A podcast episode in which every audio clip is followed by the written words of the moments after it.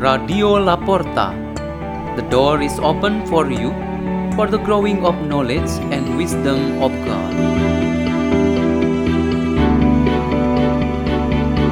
Delivered by Suzanne Marie Herodias from St. John Bosco Church in Archdiocese of Jakarta, Indonesia.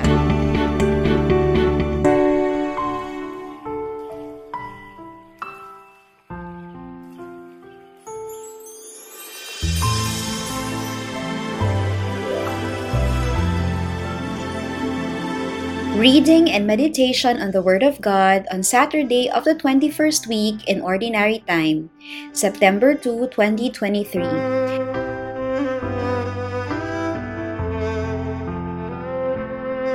A reading is taken from the Holy Gospel according to Matthew. Jesus told his disciples this parable. A man going on a journey called in his servants and entrusted his possessions to them. To one he gave five talents, to another two, to a third one, to each according to his ability. Then he went away. Immediately the one who received five talents went and traded with them, and made another five. Likewise, the one who received two made another two.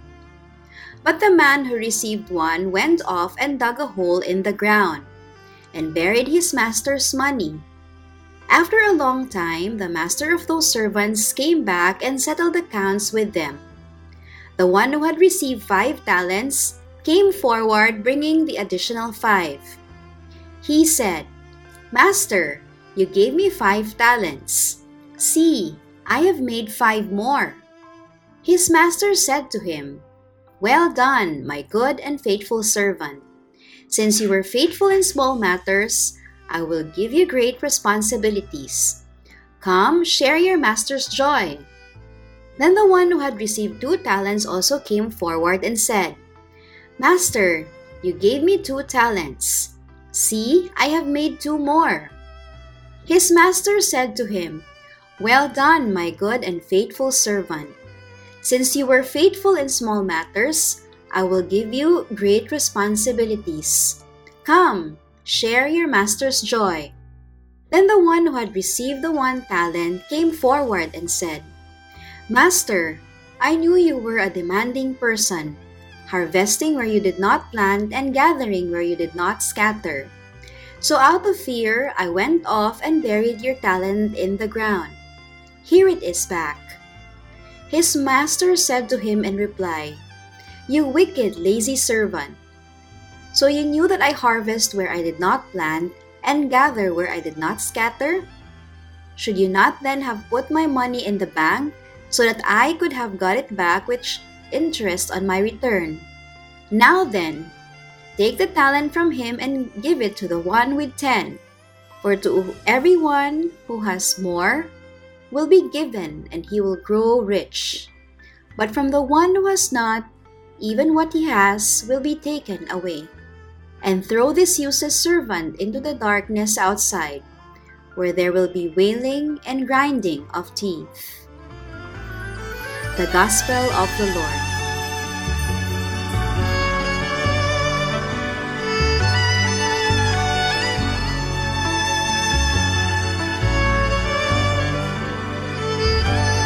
Our meditation today has the theme Come share the joy of your Lord. These are words taken from the gospel we have just heard. Servants who multiply their talents by five and two are praised by their master. Then, in return, the master takes them in to be part of his life. Come in and share in the happiness of your master. How happy people are who have the fortune like those servants. In order to arrive at the reality of sharing joy with the Lord, who is seen as a master who distributes talents to his servants, a relationship of mutual trust must be made. From there comes an attitude of loyalty and obedience. This very human and spiritual relationship does not only occur between masters and servants, but in general between human beings.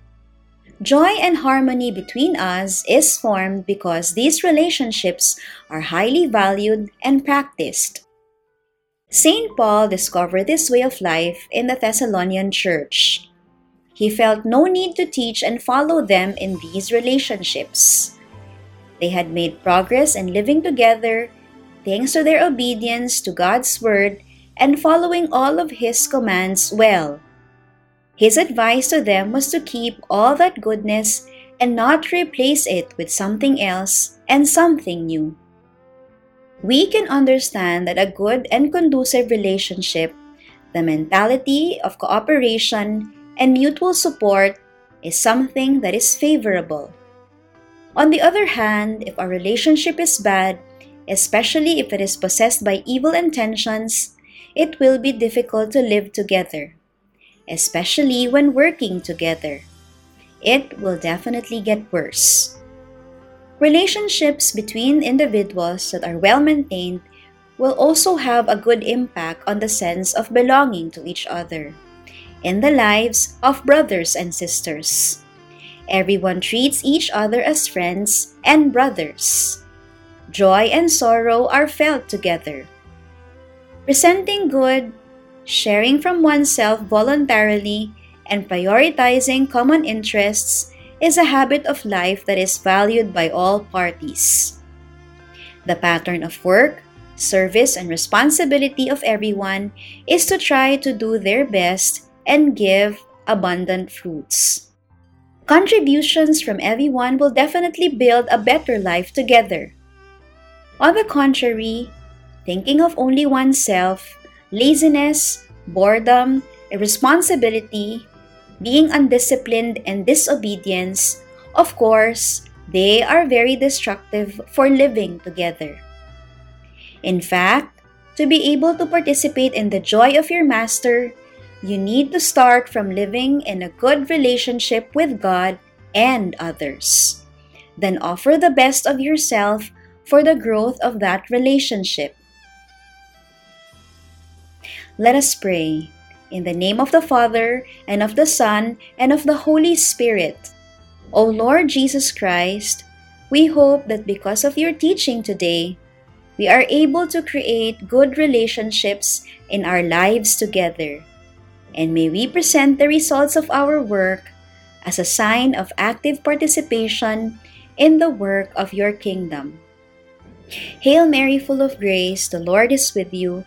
Blessed are you among women, and blessed is the fruit of thy womb, Jesus. Holy Mary, Mother of God, pray for us sinners, now and at the hour of our death. Amen. In the name of the Father, and of the Son, and of the Holy Spirit. Amen. Radio La Porta. The door is open for you.